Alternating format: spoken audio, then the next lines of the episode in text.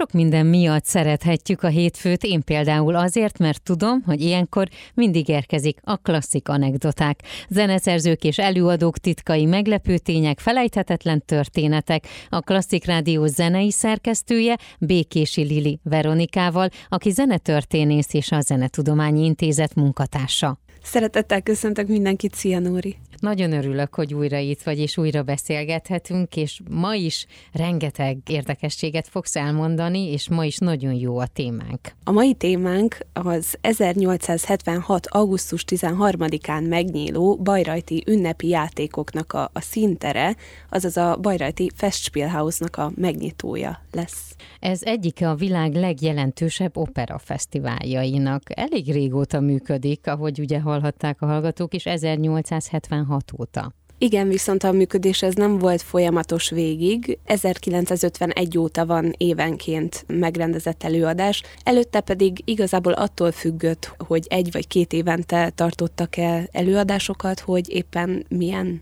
aktuális politikai állapotok voltak. Ha jól érzékelem, vagy ha jól gondolom, akkor ide bejutni erre az opera fesztiválra ennek mindig nagy jelentősége volt.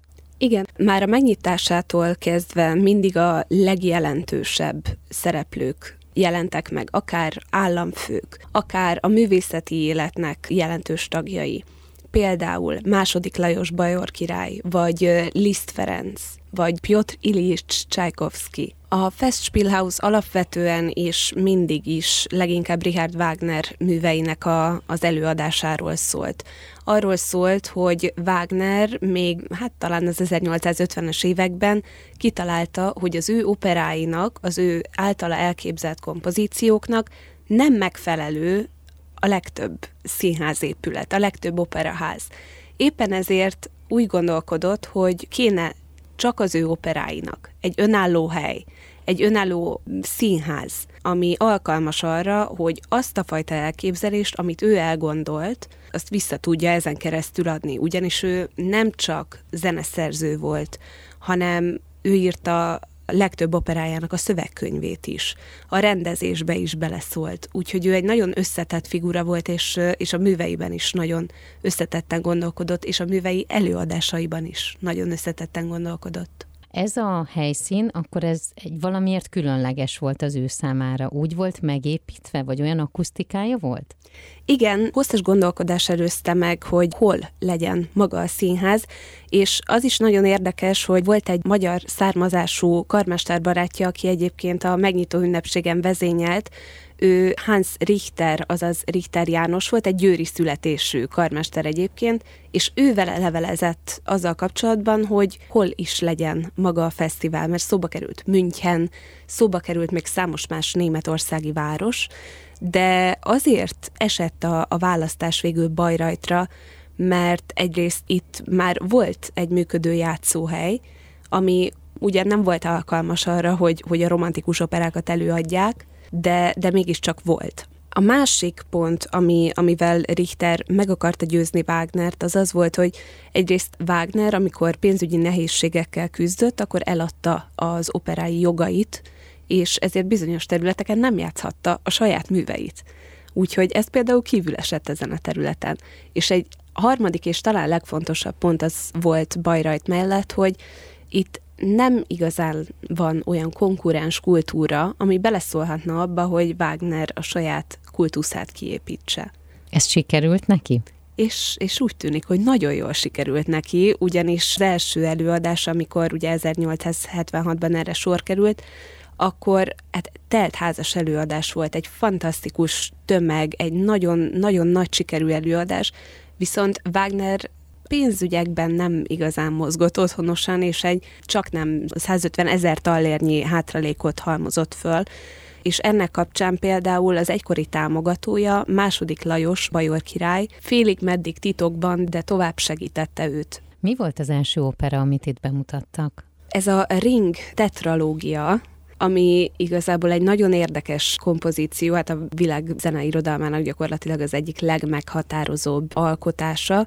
Ez úgy tetralógia, hogy négy operából áll, viszont az első opera, az mint egy prelűd, egy, egy ilyen bemutató opera, ez félig meddig kívül esik azon a három operán, ami eredetileg a történet, csak akart egy bevezető operát írni hozzá Wagner. Az első két opera került előadásra 1876-ban. Wagner után és az ő halála után mi történt a fesztivállal? 1883-ban Velencében halt meg, és ezt követően pedig a felesége Cosima Liszt Wagner volt az, aki kézbe vette az irányítást. És tudni kell róla, hogy ő egy nagyon vasakaratú nő volt, ő egy nagyon határozott jelenség volt, nagyon-nagyon tisztelte Wagnert. Gyakorlatilag oda volt a férje összes kompozíciójáért, ő volt az egyik legnagyobb támogatója. És Cosima volt az, aki a férje halála után tovább vitte az ő örökségét, és még a saját fiával, Siegfried Wagnerrel is szembeszállt, aki egyébként egy fantasztikus tehetség volt, karmester, ő is zenéket is szerzett. Fiával is harcolt azért, hogy az egykori férje vélt vagy valós akaratát teljesítse. Ezt követően pedig mindig sor került arra, hogy valahogy a Wagner család, vagy Wagner leszármazottai mindig részesei a fesztiválnak, még a mai napig. Idén megrendezésre került, és hát gyakorlatilag ugyanolyan nagyszabású, mint, mint egészen eddig volt. Csak nem egész augusztusban zajlik a fesztivál, és Wagner kompozíciói közül előadják például a Nürnbergi mesterdalnokokat, a Bolygó Hollandét, ugyanúgy a Ring tetralógiából is rendeznek előadásokat. A mai elhangzó kompozíció éppen a Ring tetralógia egyik operájából, a Valkűrből származik, ez pedig a Valkűrök lovaglásának a jelenete.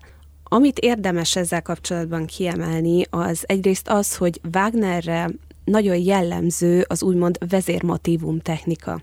Ez azt jelenti, hogy van egy nagyívű dallam, ami egy, egy nagyon megkapó, egy nagyon meghatározó dallam, tehát megegyezhető.